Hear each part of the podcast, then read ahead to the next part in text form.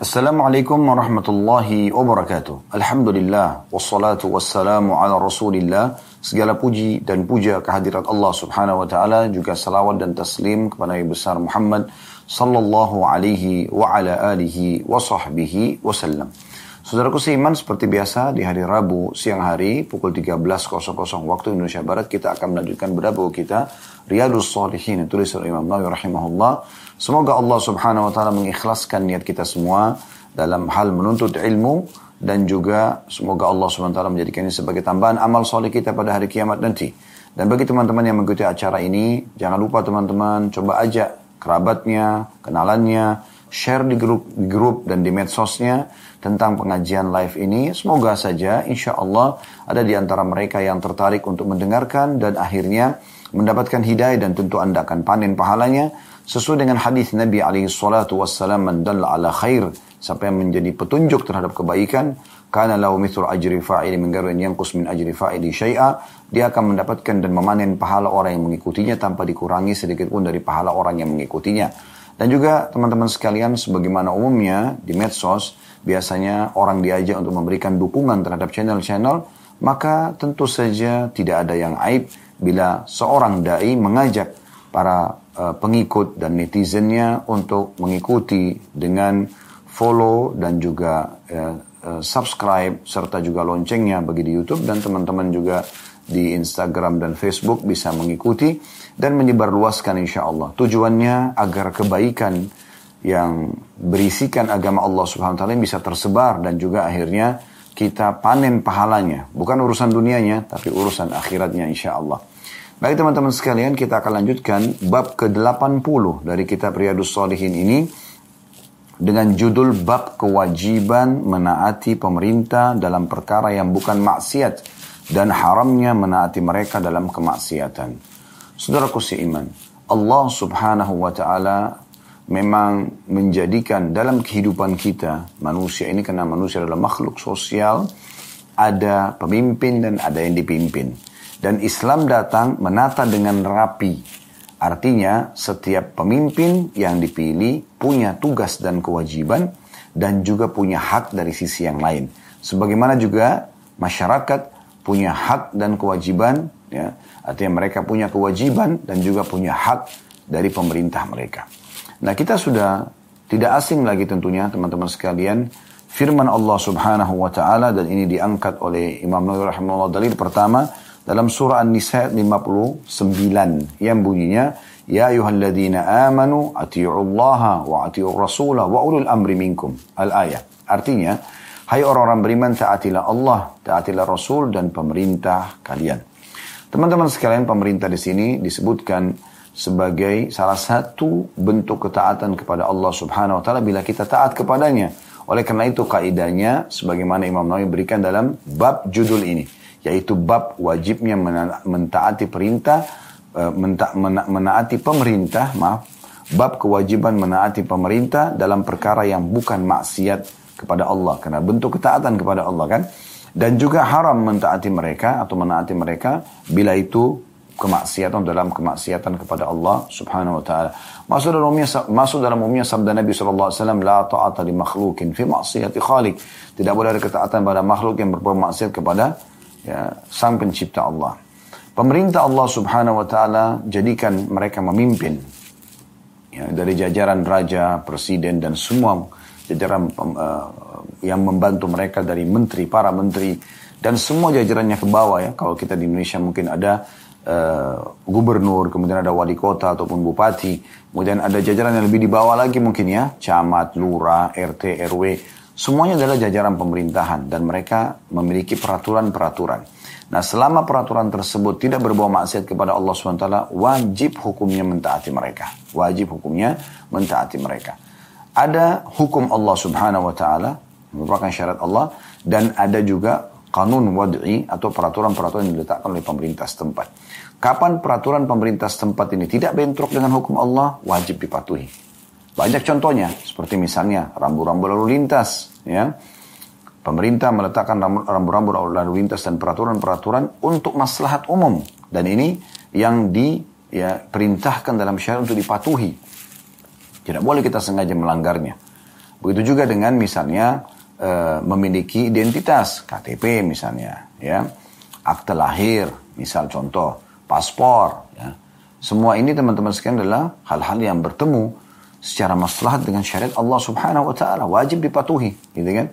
Tidak boleh orang ugal-ugalan, ya, sengaja melanggar lalu lintas, sengaja tidak ingin memiliki identitas misalnya, ya, atau sengaja membuat kekacauan sehingga akhirnya terjadilah kerusakan di negara tersebut. Ini semua hukumnya haram, tidak dibolehkan, ya. Seperti orang yang sengaja demo kemudian merusak, ya, dengan cara merusak, dengan merusak fasilitas umum, ya, mengganggu ketentraman masyarakat. Ini semua tidak pernah ada dalam Islam. Ya, tidak pernah ada dalam agama Islam. Kita dianjurkan agar uh, menjalankan hadis Nabi SAW. Kata Nabi SAW, siapa yang melihat satu kesalahan dari imamnya, pemimpinnya, maka sebaiknya dia merangkul, memegang tangannya dan mengajaknya berbicara empat mata, menyampaikan uh, nasihat. Kalau nasihat tersebut diterima, maka itulah target dia. Namun kalau tidak diterima, maka dia sudah lepas tanggung jawab di sisi Allah Subhanahu wa taala. Dan itu pun bagi orang yang memiliki kesempatan dan juga kedudukan untuk itu. Tidak semua orang bisa berbicara. Anda sebagai masyarakat biasa, teman-teman sekalian, jauhi berbicara sesuatu yang tidak bisa Anda jangkau. Anda bicara tentang masalah baik buruknya pemerintah, Anda bicara tentang peraturan, tapi sebenarnya tidak akan sampai, gitu kan? Kalau itu suara bisa sampai dan bentuknya ikhlas karena Allah ingin memberikan masukan, amr ma'ruf nahi mungkar tidak ada masalah. Tapi kalau tidak sampai, dulu di warung kopi di pinggir jalan, atau lagi di rumah, ibu-ibu lagi masak, berbicara tentang masalah baik buruknya pemerintah, ini unik gitu. Kalau seandainya di pandangan dia buruk, maka belum tentu buruk di pandangan pemerintah. Berapa banyak keputusan pemerintah yang penuh dengan maslahat tapi dipandang buruk oleh individu dari masyarakat tersebut. Sehingga akhirnya dia berbicara terus seakan-akan dia orang yang paling hebat. Padahal belum tentu ya sosok yang sedang berbicara tentang keburukan pemerintah ini pada saat dia ya, diberikan wewenang dia bisa menjalankannya. Saya sering berikan contoh ini dan saya ulangi lagi di saat ini. Banyak di antara masyarakat mirip seperti penonton sepak bola. Di saat ya di lapangan ada para pemain bola. Pemain bola ini mereka dari kecil sudah latihan bola sudah dari kecil bangun tidur sampai kan istirahat lagi malam hari mereka tendang bola, mereka latihan ya. Uh, semua jenis uh, yang berhubungan dengan masalah olahraga sepak bola itu misalnya ya. Apakah jadi jigawang, jadi uh, apa namanya? Uh, penyerang dan seterusnya. Dan mereka sudah tiap hari latihannya itu. Tetapi subhanallah di saat misalnya terjadi ya, satu tendangan meleset dari seorang pemain apakah tendangan langsung, apakah tendangan penalti misalnya, maka berapa banyak di antara penonton yang mencaci maki, mengatakan bodoh misalnya, mengatakan tidak tahu dan seterusnya. Padahal belum tentu kalau dia masuk menendang, ya dia bisa memberikan hasil, membuahkan hasil seperti yang diharapkan. Sementara dia sendiri mungkin cuma sekedar hobi saja. Sementara yang di lapangan adalah memang pemain aslinya. Nah itu contoh yang paling real. Kita di masyarakat, kita cuma melihat dan mendapat informasi yang tersebar di media misalnya.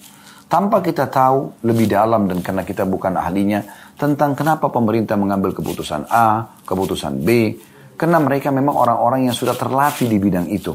Mereka memikirkan maslahat umum. ya Maslahat yang memang e, bisa merata semua dirasakan manfaatnya untuk masyarakat. Kenapa kebanyakan orang selalu menilai negatif? Selalu berbicara yang buruk. Kalau individu-individu yang di pemerintah itu melakukan perbuatan yang salah, maka kita sebagai seorang muslim sangat yakin dengan kalimat tauhid kita. La ilaha illallah, la ma'budu bihaqqin illallah. Tidak ada Tuhan yang berhak disembah kecuali Allah. Di mana Allah ini maha melihat, maha mengetahui, maha mengawasi. Ya, bukankah Allah mengatakan itu? Sami' basir, maha melihat, maha mendengar, maha melihat. Ya, uh, Inna Allah kana alaikum raqiba. Allah selalu mengawasi kalian. Jadi Allah SWT itu maha teliti. Ya. Tahu semuanya. Allah akan menghukum setiap orang yang melanggar dengan caranya. Bukan kita diciptakan untuk menghukum dan mengadili orang lain. Tugas kita, kalau dia salah kita ingatkan, ya, apakah itu dengan lisan, Apakah itu dengan tangan, kalau kita bisa menasihatin dengan tangan misalnya dengan ada power ya, contohnya pemerintah kepada masyarakatnya atau atasan pemilik perusahaan kepada uh, bawahannya, dia uh, letakkan peraturan wajib sholat misalnya, wajib tutup aurat, nah itu bisa. Atau dengan lisan, nasihat lisan, atau kalau tidak bisa dengan hati, ya. Lebih baik kita lebih banyak mengintrospeksi diri kita sendiri daripada kita masuk ke masalah uh, hak orang lain yang belum tentu lagi kita jangkau dan bisa bertemu dengannya. Berapa banyak orang yang memprotes tentang satu program pemerintah, ternyata itu masalahnya banyak sekali dan penting untuk di, uh, disosialisasikan. Kemudian setelah sekian lama dia baru tahu dirinya salah. Bagaimana caranya dia minta maaf kepada individu yang sudah dicaci maki, apalagi kalau orang itu sudah ya sementara menjabat saya susah untuk ditemuin. Apalagi kalau sudah tidak menjabat, mungkin sudah meninggal dunia bahkan. dia sudah tidak tahu di mana dia hidup pada saat sudah tidak menjabat misalnya atau alamatnya ataupun kalau sudah meninggal bagaimana caranya kita meminta maaf kepada orang seperti ini? Sementara kita sibuk mencari kesalahan orang lain. Lebih baik teman-teman sekalian daripada mencari dan menilai kesalahan orang kita mendoakan agar mendapatkan hidayah. Itu yang harus kita lakukan. Dakwahi dengan cara yang baik. Umar bin Khattab radhiyallahu anhu dalam satu kisah dikatakan dinukul oleh Ibnu Kathir kisah ini beliau pernah kedatangan seseorang. Badannya kekar, orangnya muslim, datang. Berkunjung kepada rajanya pada saat itu. Setelah beberapa waktu, Umar bin Khattab sempat menanyakan kepada orang di sekitarnya, mana si fulan itu? Mereka mengatakan, wahai Amir Mu'minin, dia sudah rusak sekarang. Ya, maksudnya jauh, dia sudah minum khamar dan melanggar maksiat kepada Allah. Umar pada saat itu siapa yang tidak kenal ketegasannya? Siapa yang tidak kenal powernya dia sebagai raja? yang menguasai ya seperempat dunia pada saat itu. Jazirah Arab, sebagian besar uh, wilayah Syam ya, bahkan wilayah Syam ya, uh, kemudian sebagian besar wilayah uh, Persia, ya, Irak, Iran, sebagian besar wilayah Afrika, sebagian uh, wilayah Afrika Utara, Mesir, terus melebar ke Tunis dan seterusnya. Itu luar biasa. Dia kan bisa menggunakan power sebenarnya maksiat nih, hukum saja. Enggak. Tapi apa yang Umar lakukan? Dengan penuh hikmah, penuh ilmu, ya, penuh niat yang ikhlas karena Allah Subhanahu wa taala. Belum memanggil sekretarisnya, suruh tulis. Dari Umar bin Khattab, dia tidak katakan bahkan Amir Mukminin. Dari Umar bin Khattab kepada fulan disebutkan nama orang itu. uh, saya mengingatkan kepadamu tentang firman Allah Subhanahu wa taala surah Mukmin atau surah Ghafir surah nomor 40 ayat 3. غافر الذنب وقابل التوب شديد الإقاب ذي الطول لا إله إلا هو ya, إليه المصير yang artinya qabil taubi ya uh, ghafir dzambi zat yang maha pengampun dosa qabil taubi menerima taubat hamba-hambanya syadidul iqab dan sangat keras siksaannya ya dzit tauli la ilaha illahu dia adalah zat yang maha sempurna maha tinggi dan tidak ada Tuhan yang berhak disembah kecuali dia ilaihil masir kepadanya akan kita di, akan dikembalikan. Maka pada saat surat itu sampai kepada orang yang tadi sudah jauh dari agama Allah dia baca lalu dia tersentuh. Seorang raja menyurat kepada dia. Kemudian dia pun membaca firman Allah SWT mengatakan Allah Tuhanku telah mengingatkanku ya, akan mengampuni dosaku. Gafirid dzambi pengampun dosa. Uh, qabilit taubi ya menerima taubat. Kemudian juga telah mengancamku dengan firmannya syadidul iqab. Sangat berat siksaannya bagi orang yang tidak mau taubat gitu kan. Maka orang itu pun menjadi baik. Beberapa saat kemudian sampai berita kepada Umar bin Khattab. anu kalau orang itu sudah baik dan sudah taubat karena mendengarkan nasihat dari surat yang beliau tulis. Maka beliau mengatakan, beginilah seharusnya kalian lakukan. Orang-orang yang sedang melakukan pelanggaran, kemaksiatan, bukan untuk dimusuhi. Tapi bagaimana kita merangkul mereka, bagaimana kita menyelamatkan mereka agar mereka sadar kalau itu kesalahan dan akhirnya selamat di dunia dan selamat di akhirat. Kenapa kita tidak melihat pelanggaran orang lain dan kekurangan dalam masalah aplikasi ilmu agama adalah kebaikan?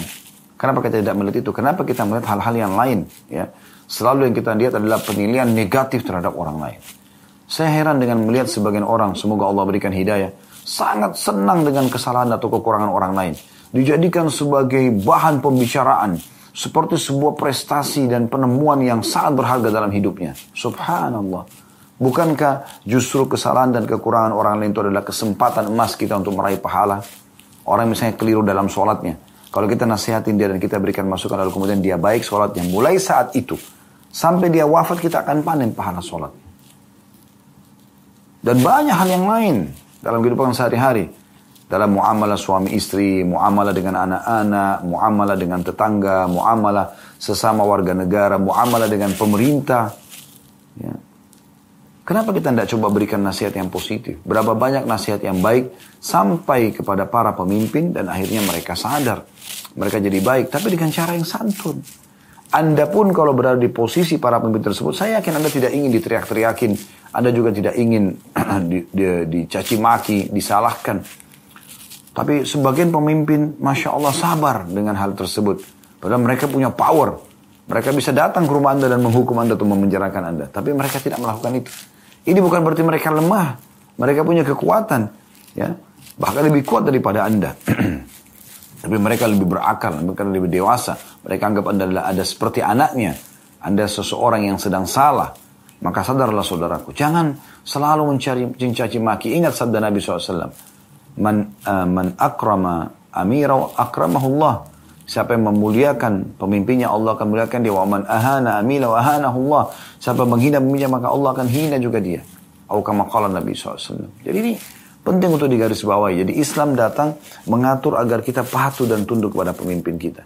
Jadi kita patuh dan tunduk kepada pemimpin. Ini banyak hadis yang akan kita dengarkan nanti. Tentang pentingnya patuh kepada pemimpin. Dan tidak bolehnya seorang muslim keluar dari peraturan-peraturan yang ada. ya Kecuali memang yang diperintahkan maksiat kepada Allah. Anda dilarang sholat misalnya. Anda dilarang tutup aurat. Nah itu Anda boleh di situ ya memprotes karena memang ini keliru, ini hukum Allah nggak bisa gitu. Tapi kalau keputusan-keputusan apalagi Anda tidak punya ilmu di situ atau Anda hanya sebagai komentator saja, ini tidak pantas Anda berbicara. Apalagi Anda tidak pernah tahu itu Eh, keputusan yang diambil oleh pemerintah tidak sembarangan. Mereka duduk, mereka diskusikan, mereka musyawarakan. Setelah benar-benar sampai kepada sebuah titik, baru mereka keluarkan keputusan tersebut. Jadi nggak boleh sembarangan teman-teman sekalian. Jadi kita harus fahami baik-baik, mentaati pemerintah bagian daripada agama Islam dan merusak hubungan dengan mereka, ya menyalah-nyalahkan mereka ini adalah bagian daripada kemaksiatan selama memang itu bukan maksiat kepada Allah. Kalau dia maksiat itu boleh kita nasihatin. Itu pun teman-teman sekalian. Kalau anda orang yang punya tadi wewenang dan bisa sampai ke mereka. Kalau tidak bisa, sudah anda doakan saja kebaikan. Semoga saja doa anda diterima oleh Allah subhanahu wa ta'ala dan akhirnya Allah perbaikin keadaan pemerintah tersebut karena doa anda dan anda panen pahala terhadap semua keputusan yang diambil oleh pemerintah setempat. Semoga Allah Subhanahu wa taala menjaga pemerintah kita, menjaga kemakmuran negara kita, keamanan negara kita dan selalu saja memberikan petunjuk kepada para pemimpin agar mereka menjalankan tugas dan amanah dengan baik. Dan semoga Allah uh, apa, memberikan pahala balasan yang besar terhadap apa yang telah mereka berikan maslahat umum kepada seluruh masyarakat. Dan semoga Allah maafkan kesalahan-kesalahan mereka serta juga Allah menjadikan kita masyarakat yang selalu gotong royong bekerja sama dukung mendukung untuk memakmurkan dan menjaga ketentraman dan keamanan negara kita dan akhirnya kita bisa menjadi negara yang maju dan menjadi contoh bagi negara-negara yang lain Allahumma amin Baik kita akan masuk teman-teman sekalian membaca hadis pertama dalam bab ini. Hadis bab ke-80, bab kewajiban menaati pemerintah dalam perkara yang bukan maksiat dan haramnya menaati mereka dalam kemaksiatan. Itu hadis nomor 668 dari awal belajar itu dari Ibnu Umar radhiyallahu anhuma dari Nabi sallallahu alaihi wasallam beliau bersabda alal mar'il muslimi sam'u wat ta'atu fima habba wa karih illa an yu'mara bi ma'siyah fa idza umira bi ma'siyatin fala sam'a wala ta'ah hadis ini riwayat Bukhari Muslim. Terjemahannya wajib atas setiap muslim untuk mendengar dan taat dalam hal yang dia sukai atau dia benci dari keputusan-keputusan yang ada dia suka atau dia tidak suka kecuali jika dia diperintah berbuat maksiat ini tolak ukurnya kalau disuruh berbuat dosa dalam agama Allah maka apabila dia diperintahkan berbuat maksiat, maka tidak ada kewajiban mendengar dan taat di poin itu. Ya. Bukan semuanya. Ya. Jangan sampai nanti ada uh, satu keputusan yang melanggar agama Allah, tapi keputusan yang lain tidak, maka kita mukul rata semuanya. Enggak. Ya.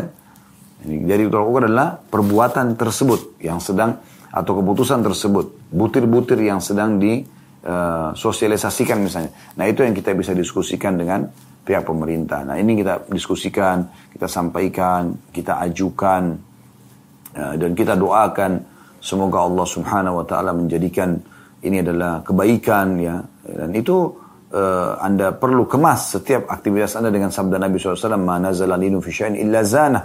Tidak ada sesuatu yang diliputi dengan kelemah lembutan kecuali akan menghiasinya. Wa nuzi'a min illa syana dan tidak ada sesuatu yang diangkat darinya kelemah lembutan kecuali akan merusaknya.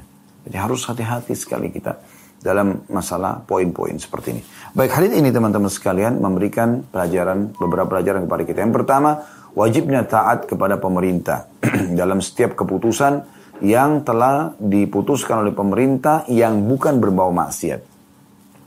Nah, dikatakan di sini, alal mar'il muslimi sam'u wa ta'atu fima ahabba wa karih. Setiap muslim wajib mentaati dan dengar apa pun keputusan pemerintah ya selama itu bukan maksiat gitu kan baik dia suka keputusan itu dia tidak suka kemudian pelajaran yang kedua atau faedah kedua dari hadis adalah bolehnya setiap muslim tidak patuh lawan daripada faedah pertama tadi kalau yang diperintahkan khusus secara substansial bahasannya kalau diperintahkan itu berbau maksiat kepada Allah Nah di poin itu dia tidak taat, tapi bukan menyeluruh ya, tapi di poin itu saja. Kita langsung masuk ke hadis nomor 2 dalam bab ini, urutan 669 dari awal belajar, masih dari sahabat yang sama Abdullah bin Umar radhiyallahu anhu. Beliau berkata, "Kunna idza bay'na Rasulullah sallallahu alaihi wasallam 'ala as-sam'i wa ta'ati yaqulu lana fi mastata'tum." Hadis ini riwayat Bukhari Muslim. Bila kami membaiat mengambil janji setia Rasulullah SAW untuk mendengar dan taat, beliau bersabda kepada kami dalam batas yang kami sanggupi. riwayat ini teman-teman sekalian menyempurnakan bahasan riwayat yang pertama tadi, yaitu urutan 668 dari awal belajar. Jadi kita wajib taat kepada pemerintah dan di sini ada bahasa Nabi SAW sesuai dengan kesanggupan. Ya. Artinya semampu kita. Kita tidak boleh membangkang tapi kita jalankan semampu kita. Selama kita mampu, lakukan. Dan itu karena Allah subhanahu wa ta'ala. Agar ada nilai pahalanya. Kita sabar sedikit dengan lampu merah misalnya. Karena kita tahu ini adalah taat kepada pemerintah. Perintah Allah dan Rasulnya. Maka dengan sabar sedikit kita niatkan sebagai patuh kepada pemerintah kita. Karena Allah perintahkan ada pahalanya. Sulitnya apa? Anda tinggal sabar. Anda tidak mengganggu orang lain. tidak ugal-ugalan. Karena Anda dapat pahala. Lampu merah satu menit, gitu kan? Sabar. Dua menit, ya. Syaitan sering kali membuat kita seperti orang yang tidak bisa sabaran. Karena memang dia ingin kita bermaksiat di poin itu. Mungkin Anda mengatakan, Ustaz apaan sih bahas tentang masalah lampu merah? Akhi dan ukti. Ini bagian daripada substansial kepatuhan. Pemerintah sudah meletakkan lampu itu untuk dipatuhi. Merah sudah jelas untuk berhenti. Yang kuning berarti berhati-hati. Ya sudah harus mengatur rem, gas ya dan hijau baru boleh jalan. Itu pun kalau Anda lihat ya sudah ada peringatan, maka Anda berhati-hati berhenti. Jangan sampai Anda bertabrakan dengan orang lain yang ada di sisi jalan yang berbeda misalnya dari Anda. Contohnya, gitu kan. Eh, dan banyak contoh-contoh peraturan-peraturan yang lain yang memang pemerintah sudah meletakkannya. Nah kita taati semampu kita, gitu kan. Ada apa-apa kita bisa diskusikan dengan pihak pemerintah. Datang ke kantor lurah terdekat, kantor camat terdekat. Ya, mungkin yang terdekat dengan Anda ada RT, ada RW Anda bisa tanyakan tentang peraturan yang ada misalnya. Maka Anda bisa menyampaikan masalah itu, ya.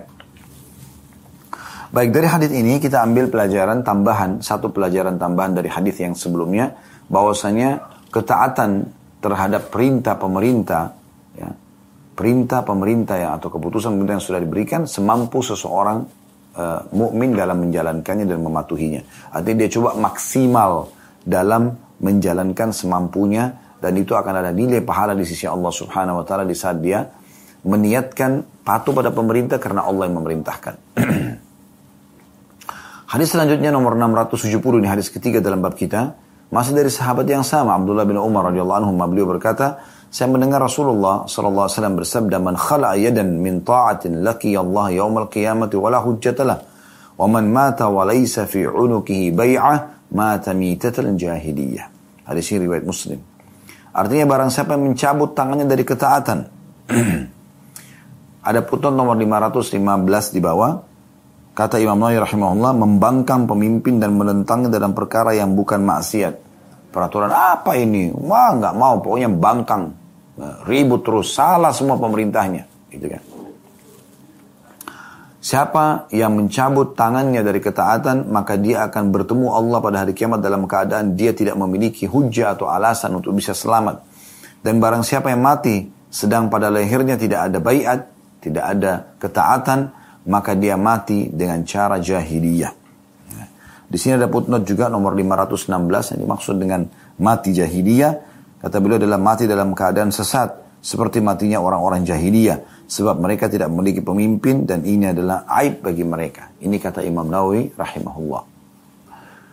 Ini riwayat masih di nomor 670. Ada riwayat lain ya masih milik Abdullah bin Umar juga radhiyallahu yang bunyinya kata Nabi SAW, "Waman mata wa huwa mufarikun lil jamaah fa innahu yamutu mitatan jahiliyah." Barang siapa yang mati dalam keadaan memisahkan diri dari jamaah sendiri eksklusif ya, mau memberontak, mau keluar, maka pada saat dia mati, mati dalam keadaan atau secara jahiliyah. Jadi di sini kita harus bedakan ya, mana poin yang dimaksud oleh hadis ini. Maksudnya dia memberontak, dia keluar, tidak mau patuh, dengan mana pada saat orang memberikan masukan. Itu memberikan masukan positif saja. Tapi tentu teman-teman sekalian. Anda memberikan masukan sebagai istri kepada suami Anda, beda dengan kalau Anda memberikan masukan kepada anak Anda, suami Anda pemimpin. Anda memberikan masukan kepada uh, pimpinan Anda di instansi atau orang tua Anda dulu, ya, beda dengan Anda memberikan masukan kepada saudara Anda, orang tua, walaupun mereka salah, posisi mereka sebagai orang tua, pemimpin, gitu kan, terhadap kita.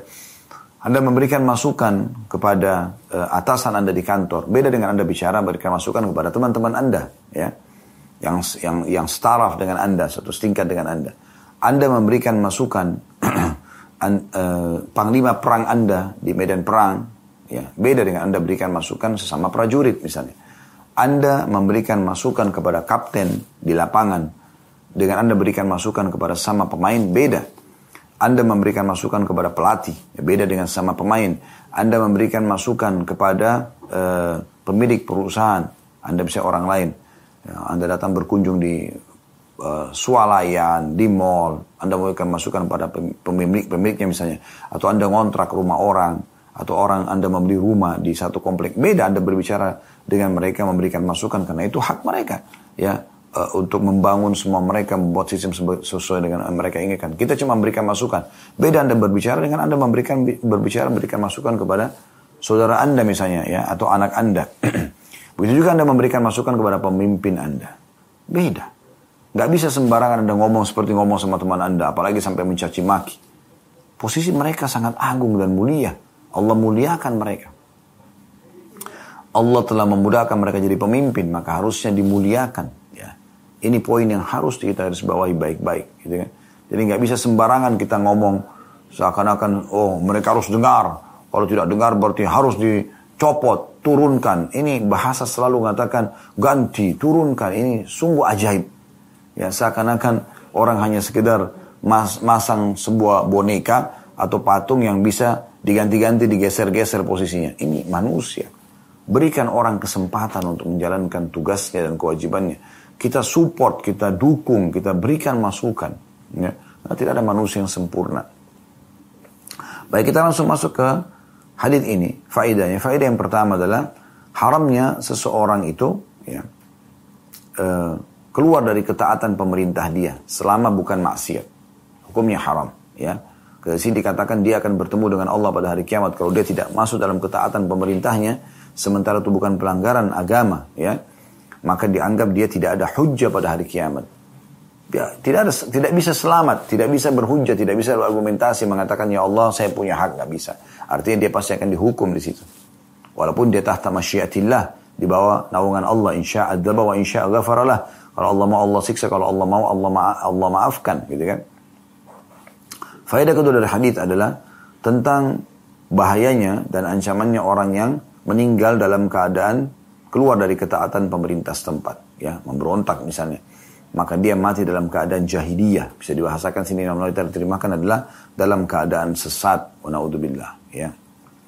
Baik, hadis selanjutnya 671. Ini hadis keempat dalam bab kita. Dari Anas radhiyallahu anhu, beliau berkata, Rasulullah SAW bersabda, Isma'u wa ati'u wa in istu'mila alaikum abdun habashi ka'anna ra'sahu zabibah. Hadis ini riwayat Bukhari. Dengarkanlah dan taatilah Meskipun yang memimpin kalian adalah budak yang berkulit hitam, kepalanya seperti kismis atau rambutnya seperti kismis. Hadis ini luar biasa gitu, ya. Di sini ada sebuah poin penting tentang masalah penilaian fisik pemimpin. Nabi SAW tidak sebutkan tentang masalah budak berkulit hitam, rambutnya seperti kismis, ya. Artinya rambutnya keriting kecil-kecil. Kecuali karena ingin menyampaikan pesan.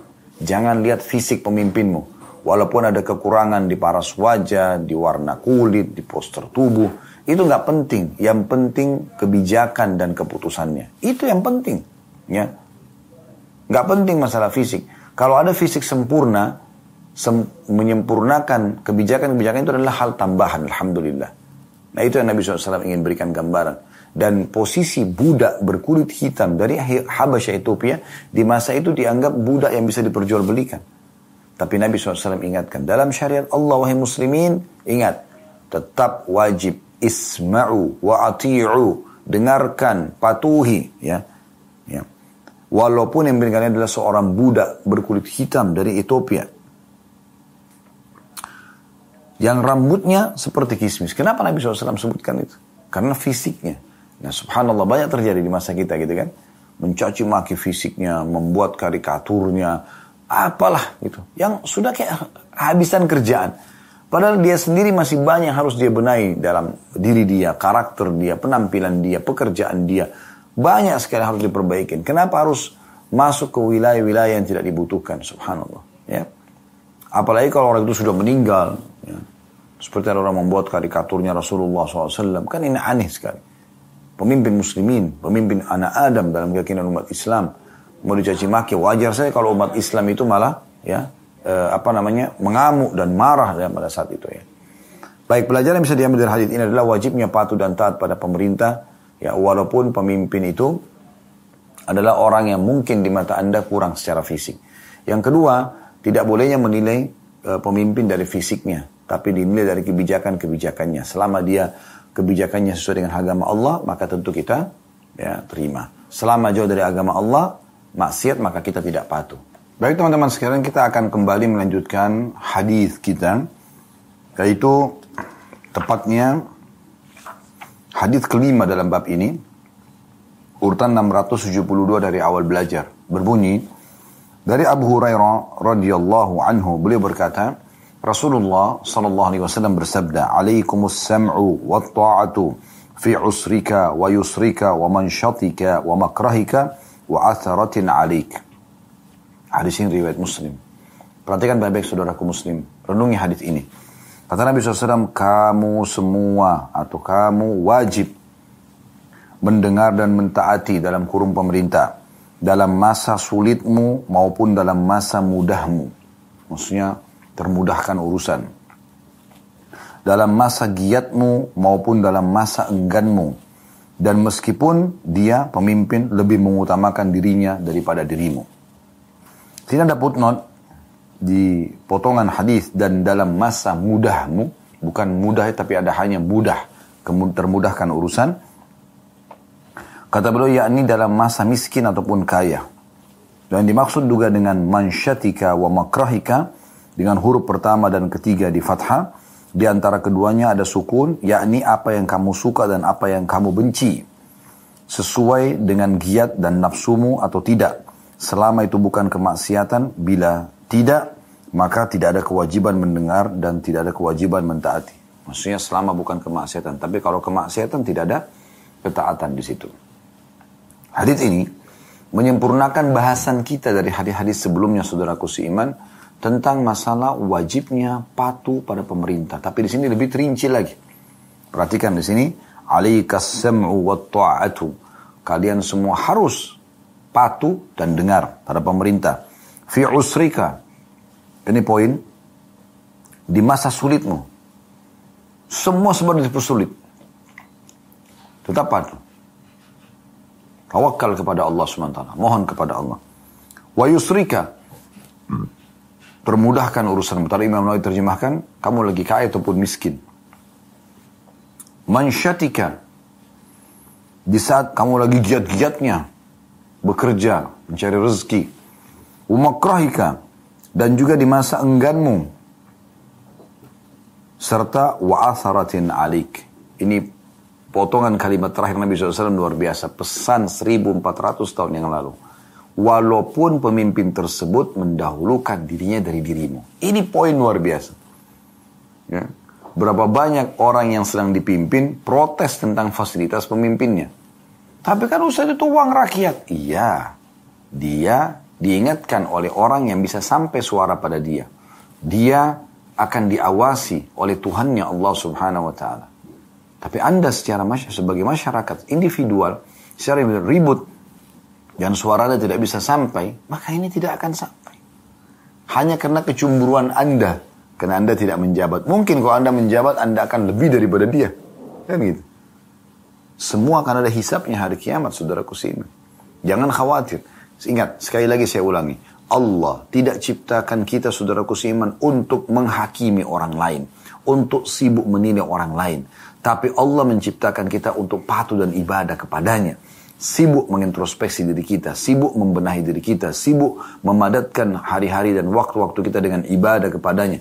Tobat dari dosa-dosa, meninggalkan kemaksiatan. Itu yang Allah subhanahu wa ta'ala perintahkan kepada kita. Bukan yang lain. Banyak orang subhanallah kerjanya dari bangun terus sampai tidur cuma menilai orang lain saja. Cuma mencari kekurangan orang lain. Dan sangat gembira di saat dia menemukan kekurangan orang lain. Luar biasa gitu. Ya. Padahal Nabi SAW memerintahkan kita agar ikhlas karena Allah dan menasihatin empat mata. Berikan masukan positif. Gitu kan. Ini poin. Ya. Harus difahami baik-baik. Baik, dari hadis ini kita ambil pelajaran yaitu wajibnya patuh dan taat kepada pemerintah. Dalam setiap keadaan selama bukan maksiat.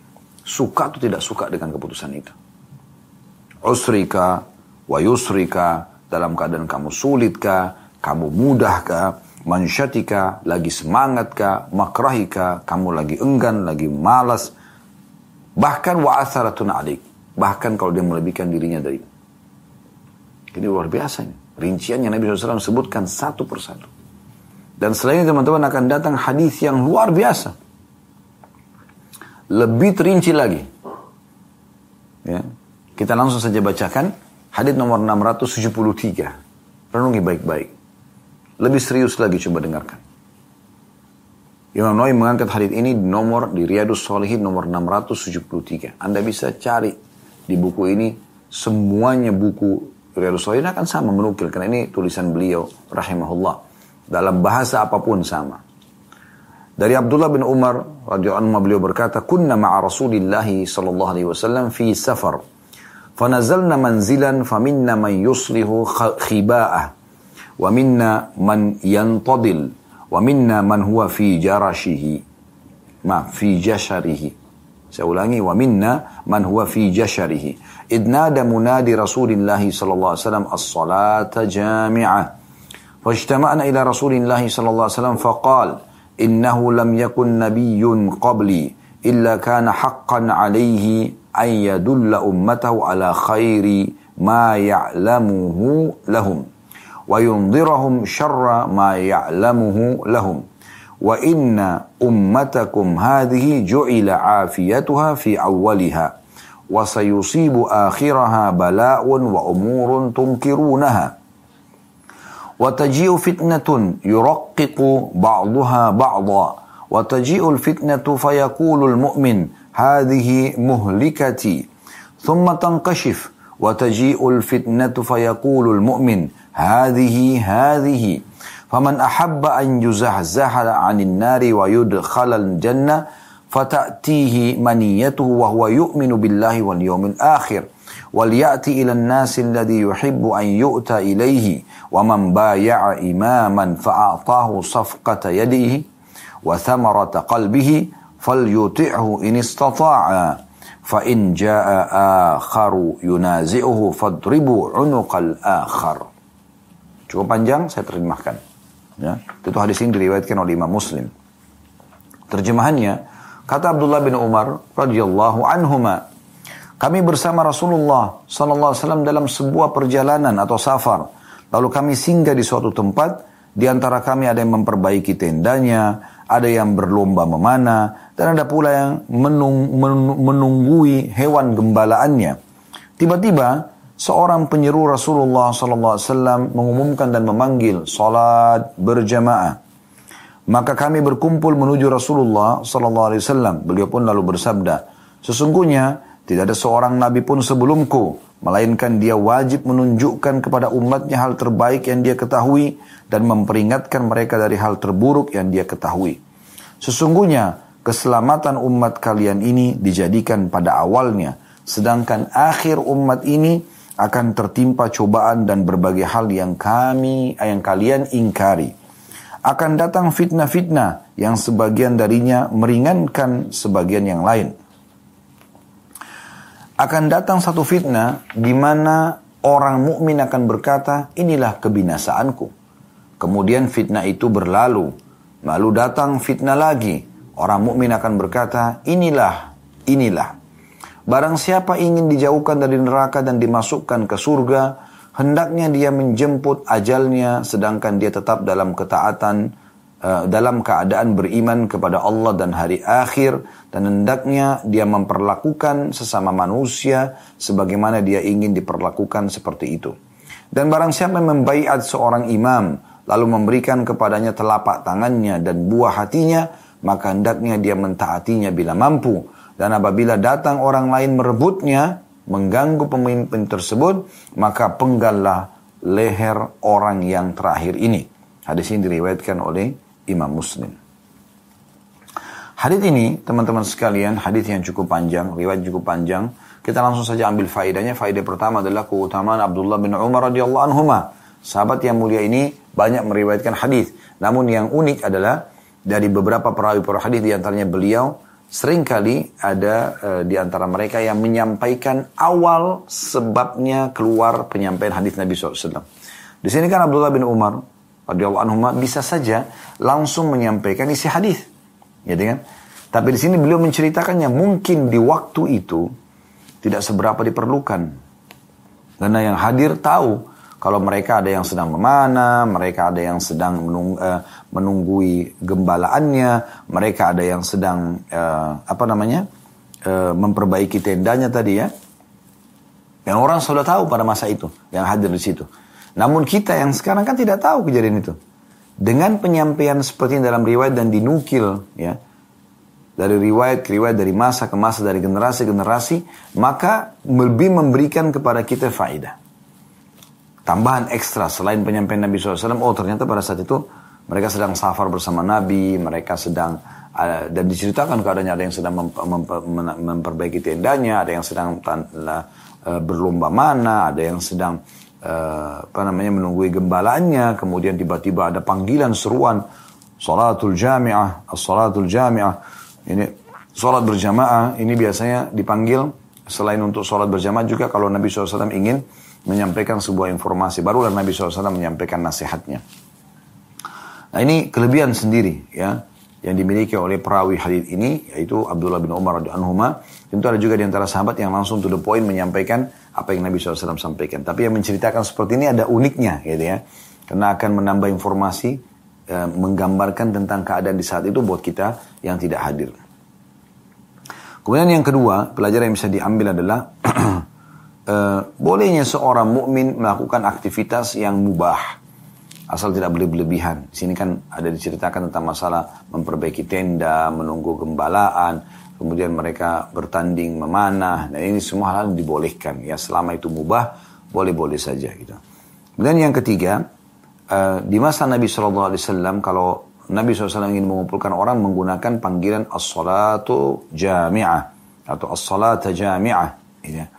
Jadi sholat berjamaah gitu ya panggilannya. Sholatul jamiah itu untuk mengumpulkan orang. Dan ini sebagai informasi tentu buat kita.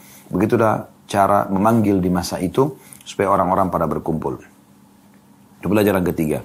Pelajaran keempat adalah wasiat Nabi Shallallahu Alaihi Wasallam tentang tugas para nabi-nabi. Di sini beliau mengatakan, ketahuilah tidak ada satupun nabi sebelumku termasuk aku tentunya, ya. Bahwasanya mereka pasti wajib bagi mereka ya, untuk menyampaikan yang mereka ketahui dari kebaikan yang sudah Allah amanahkan untuk disampaikan dan juga mengingatkan agar yang dari hal buruk ya, yang mereka ketahui kepada umat yang sedang mereka dakwahi, gitu kan? Jadi ini tentang tugas para nabi-nabi dan rasul ya bagaimana mereka tidak meninggal dunia kecuali mereka sudah menyampaikan semua pesan Allah, memotivasi manusia agar ikut dan patuh menjalankan perintah dan juga meninggalkan larangan. Nah, itu poinnya. Itu faedah yang keempat dari hadis. Faedah yang kelima adalah pesan Nabi Shallallahu Alaihi Wasallam tentang kondisi umat ini atau gambaran Nabi SAW tentang umat ini. Ini pesan kelimanya ya. Yaitu beliau mengatakan sungguhnya dijadikan kebaikan umat ini di awalnya, di masa beliau sallallahu alaihi wasallam, di masa para sahabat, ya. Dan nanti di akhirnya justru banyak hal-hal yang kalian tidak sukai. Ya mungkin kayak di masa kita ini ada hal yang tidak disukai gitu kan. Kadang-kadang terjadi fitnah, ya, ada permasalahan yang umat sedang hadapi, ya. Kemudian fitnah yang lain meringankannya, gitu kan ada penyakit yang tersebar, tiba-tiba nanti ada kesembuhan atau ada fitnah yang lain terjadi tapi lebih ringan dari fitnah sebelumnya, akhirnya fitnah yang sebelumnya dilupakan, ya kan gitu. Nabi SAW memberikan gambaran seperti itu. Sampai-sampai ada perkataan orang mukmin pada saat itu, kayaknya saya akan binasa nih, gitu.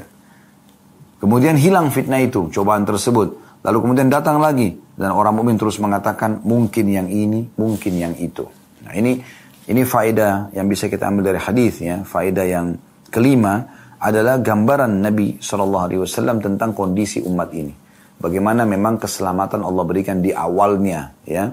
Maksudnya generasi-generasi awal, generasi sahabat, generasi tabiin, tabi tabiin.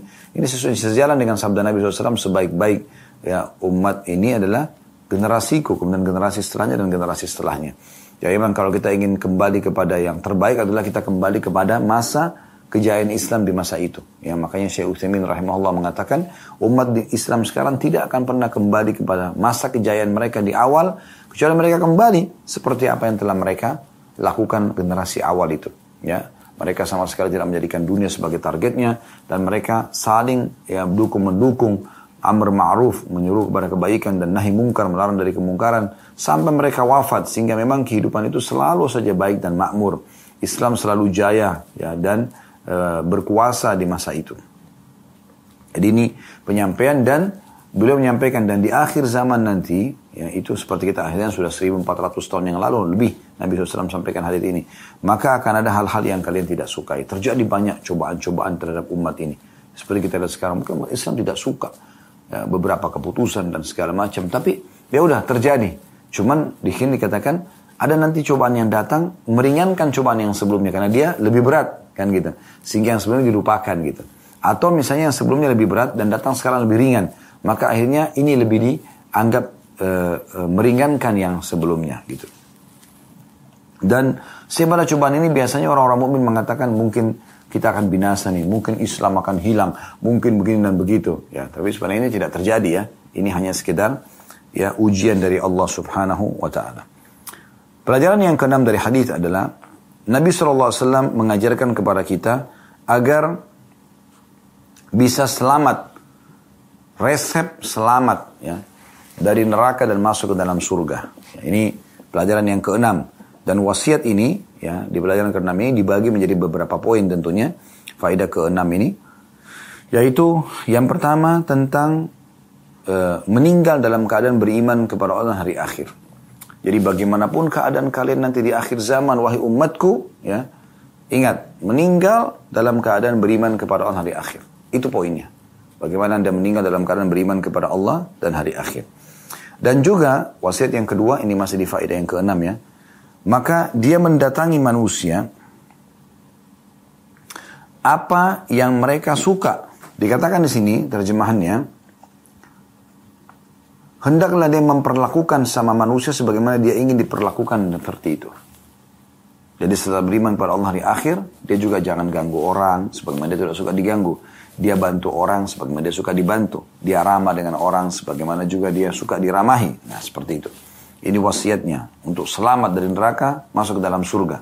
Beriman kepada di akhir dan kemudian itu wasiat pertama. Wasiat kedua adalah bermuamalah dengan manusia, berinteraksi dengan mereka sebagaimana kita juga mau diinteraksikan seperti itu. Yang ketiga, wasiat Nabi Shallallahu Alaihi Wasallam di sini, dia patuh dan taat pada pemimpinnya, dan dia ulurkan ketaatannya itu dengan telapak tangannya, serta dia juga setulus hatinya, ya, mendukung program-program yang baiknya, dia doakan kalau ada yang salah dia juga doakan agar Allah berikan hidayah semampu dia. Ya. Serta kalau ada orang yang mau memberontak, maka dia justru melawan orang yang memberontak itu. Nah, ini wasiat Nabi SAW. Ini faedah yang keenam dan ini wasiat yang ketiganya. Karena di sini kan gabungannya adalah di faedah keenam, kalau ingin masuk surga dan selamat dari api neraka, maka pertama, beriman kepada Allah hari akhir, beriman kepada Allah dan hari akhir. Yang kedua, bermuamalah dengan manusia sebagaimana kita suka dimuamalai. Maksudnya kalau kita su suka kalau orang ramah kita harus ramah dengan orang. Uh, begitu juga kalau uh, kita tidak ingin diganggu maka jangan ganggu orang lain. Seperti itu kurang lebih gambarannya. Kemudian yang ketiga adalah ini yang jadi saksi bahasan kita. Dia tulus dan ikhlas patuh pada pemerintahnya. Dengan hatinya karena Allah SWT perintahkan maka dia menikmati aja peraturan-peraturan yang ada.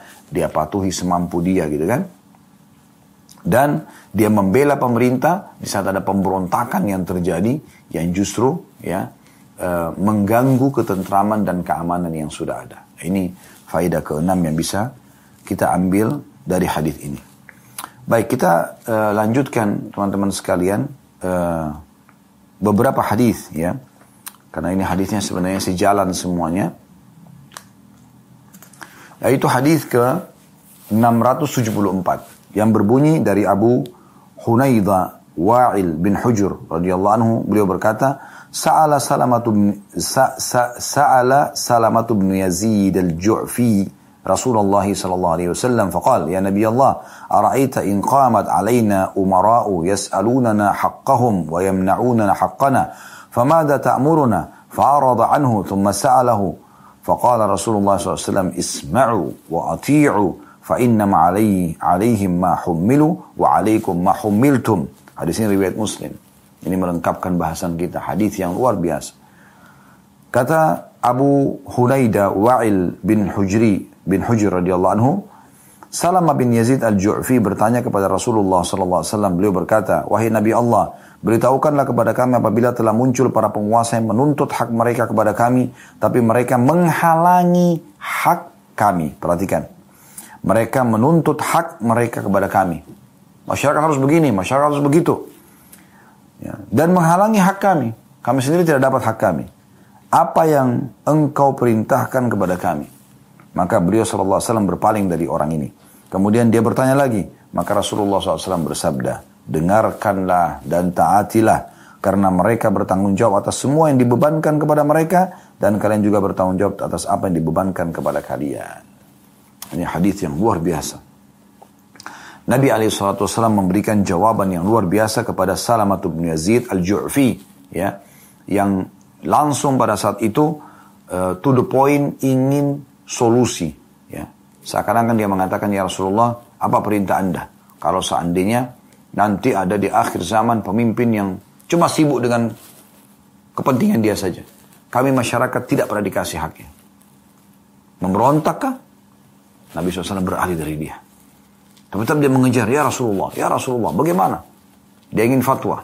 Maka Nabi SAW mengatakan perkataan yang luar biasa. Beliau tidak mengatakan, udah memberontak aja, lawan aja kalau memang tidak baik. Tidak soleh, udah bunuh aja penggal lehernya. Gak ada sama sekali. Sama sekali tidak ada seperti itu. Caci maki aja. Enggak. Apa kata Nabi SAW? Isma'u wa'ati'u. Tetap dengar dan patuh. Karena sesungguhnya mereka akan bertanggung jawab terhadap apa yang mereka lakukan dan kalian juga akan bertanggung jawab terhadap apa yang kalian lakukan. Perintah Allah terhadap pemerintah sudah ada. Perintah Allah terhadap masyarakat sudah ada. Sudah masing-masing akan diminta pertanggung jawabannya. Toh juga ajal kita akan datang di waktunya. Ya, selesai. Hadis ini memberikan pelajaran kepada kita. Yang pertama, tentang masalah bolehnya seseorang bertanya kepada ahli ilmu, para ulama menuntut ilmu sesuai dengan apa yang dia butuhkan, ya. Tapi itu dengan adab dan tata kerama. Kemudian yang kedua, tentang masalah bagaimana sikap seorang muslim pada saat menghadapi pemimpin yang zalim. Dia sibuk untuk kepentingan dirinya dan dia tidak memberikan hak masyarakatnya. Apa yang harus dia lakukan? Maka di sini jawaban Nabi SAW adalah patuh dan taat. Semasa kita hidup, semampu kita. Apalagi itu kebenaran. Apa maksudnya? Maslahat udah kita ikut walaupun kita tidak suka. Maksiat kepada Allah kita tidak ikuti. Ya. Kita bertahan dengan kondisi kita. Tapi tidak memberontak. Ya. Kita tidak bisa terima karena itu misalnya haram dalam agama. Misal contoh. Banyak pelegalan minuman keras, perzinahan di sana sini. Oke, itu kemungkaran. Kita pungkiri dengan hati kita. Kita doakan supaya dapat hidayah, gitu kan. Mudah-mudahan Allah berikan hidayah, maka itu semua uh, pemerintah yang menutupnya misalnya. Tidak perlu kita melakukan kekerasan, mengganggu orang. Bahkan tugas kita mendakwahi. Mungkin satu persatu akan mereka dapat hidayah nanti insya Allah. Para pelaku pezina itu, para pemabuk bisa mendapatkan hidayah. Sebagaimana tadi kita jelaskan di awal pertemuan kita tentang upaya Umar sebagai pemimpin menasihatin orang yang sudah terjerumus dalam kemaksiatan. Mengingatkan tentang firman Allah SWT. Kita tidak pernah tahu nah, potongan kata yang mana, potongan ayat Al-Quran yang mana, potongan hadis yang mana dari Nabi SAW yang bisa menyentuh hati seseorang. Seperti saya sekarang, tugasnya hanya menyampaikan. Apa yang Allah sampaikan sebagai hidayah di hati Anda, itu adalah Allah subhanahu wa ta'ala yang mengambil alih. Tidak mungkin kita bisa memberikan hidayah.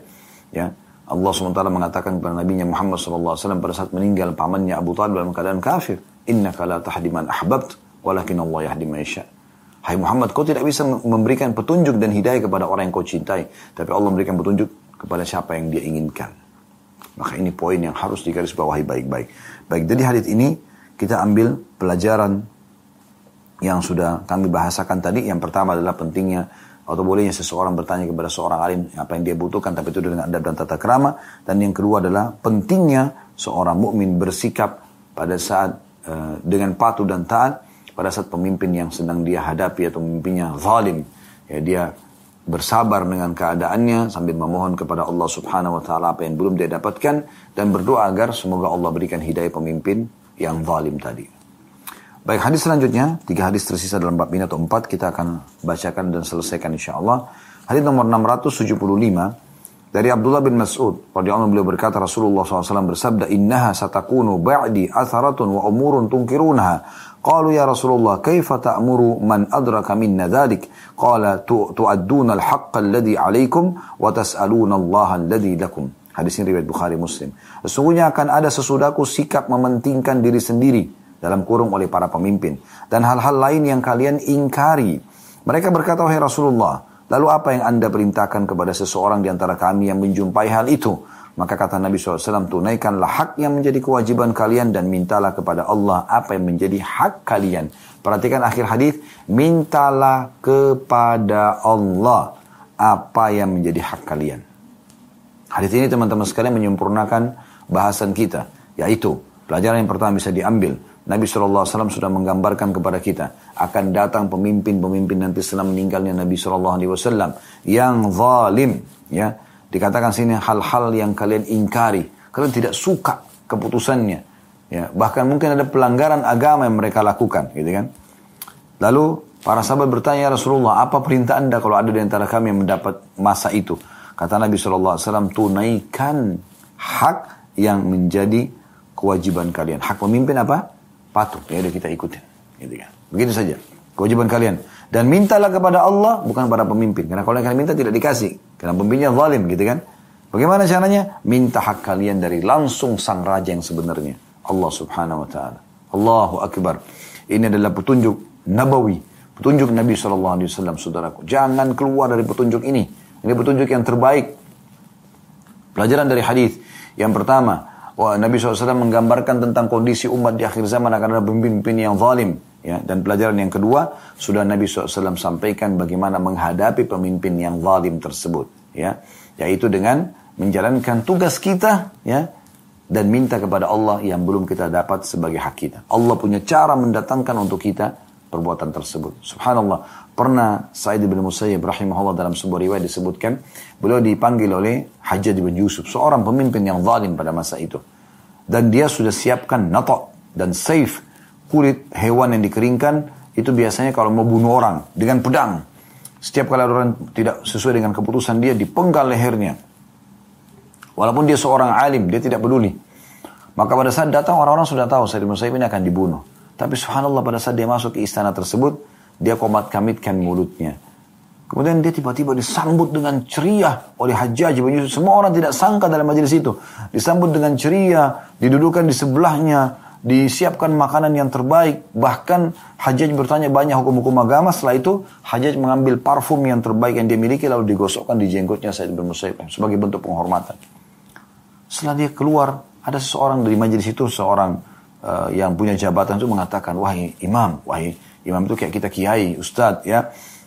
Nah, tadi saya saya lihat perubahan sikap yang luar biasa, tidak biasa hajat seperti ini. Dan kami semua yakin Anda akan dibunuh oleh dia. Dan saya lihat pada saat Anda masuk ke istana ini, mulut Anda komat kambit. Apa yang Anda bacakan? Apa yang Anda ucapkan? Kata dia, saya mengatakan, Ya Allah, jadikanlah kezaliman dan kekerasan orang ini justru kelemah lembutan untukku dengan kemahamurahanmu. Maka Allah terima. Dia minta kepada sang Allah, Allah buat raja yang zalim justru santun dan ramah dengan dia. Subhanallah. Ini makna hadisnya. Ya, bagaimana Nabi SAW mengatakan, minta kepada Allah yang kalian belum dapatkan. Ini poin penting. Kita jarang sekali menggunakan kekuatan yang sebenarnya itu tauhid kepada Allah SWT. Kita kembali dan bergantung kepada Allah dan Allah bisa melunakkan hati seorang yang zalim uh, untuk tidak zalim kepada kita, melunakkan bahkan memberikan hidayah kepada musuh untuk masuk Islam. Bagaimana Naim bin Mas'ud masuk Islam di perang Khandaq dan akhirnya penyebab daripada kemenangan muslimin ya setelah Allah Subhanahu wa taala. Bagaimana seorang panglima perang dari uh, bangsa Romawi yang akhirnya masuk Islam karena melihat uh, ke, uh, di medan perang karena berdiskusi sama Khalid bin Walid pada saat sedang duel dan akhirnya masuk Islam gitu kan. Dan sekian banyak petunjuk-petunjuk yang bisa kita baca dalam sejarah itu tidak bisa kami paparkan semuanya. Baik kita lanjutkan hadis tiga hadis yang tersisa mirip-mirip maknanya ya. Hadis nomor 676 dari Abu Hurairah radhiyallahu anhu, beliau berkata Rasulullah SAW bersabda, "Man ata'ani faqad ata Allah, wa man asani faqad asallah, wa man yuti'il amira faqad ata'ani, wa man ya'sil amira faqad asani." Hadis ini riwayat Bukhari Muslim. Barang siapa yang mentaatiku, kata Nabi SAW, berarti dia mentaati Allah. Dan barang siapa yang mendurhakaiku, berarti dia mendurhakai Allah. Ingat, ini pesannya sekarang. Barang siapa yang mentaati pemimpinnya, berarti dia mentaatiku. Dan barang siapa yang mendurhakai pemimpin, maka dia telah mendurhakaiku. Subhanallah. Nabi SAW walaupun sudah meninggal, menjadikan kepatuhan kita pada pemerintah kita adalah ketaatan kepada beliau. Seperti kita sedang taat pada perintah Nabi SAW. Selama bukan maksiat kepada Allah, berarti itu adalah perintah Rasulullah SAW. Siapa yang tidak bangga sebagai seorang muslim menjalankan perintah Nabi SAW. Dan beliau sudah mengatakan, dan yang mentaatiku berarti taat kepada Allah. Yang mentaatiku berarti taat kepada Allah subhanahu wa ta'ala. Pelajaran daripada hadis. Yang pertama, taat pada pemerintah setempat, ya, selama bukan maksiat kepada Allah, adalah terhitung taat kepada Allah dan Rasulnya. Itu poin penting. Yang kedua, dan durhaka kepada para pemimpin, membangkang terhadap perintah mereka selama bukan maksiat, itu adalah juga bermaksiat kepada Allah dan Rasulnya. Hadis selanjutnya, dua hadis tersisa, 677 dari Ibnu Abbas radhiyallahu anhu bahwa Rasulullah SAW bersabda, "Man kariha min amiri syai'an falyasbir, fa innahu man kharaja min as-sultani shibran mata mitatan jahiliyah." Hadis riwayat Bukhari Muslim. Barang siapa yang tidak menyukai sesuatu dari diri amirnya, maka hendaklah bersabar karena orang yang keluar sejengkal dari ketaatan kepada sultan, pemimpin, maka dia mati dalam keadaan mati jahiliyah. Dalam keadaan mati jahiliyah. Hadis ini teman-teman sekalian lebih tegas lagi dari Nabi SAW yang kata oleh Imam Nawawi rahimahullah luar biasa.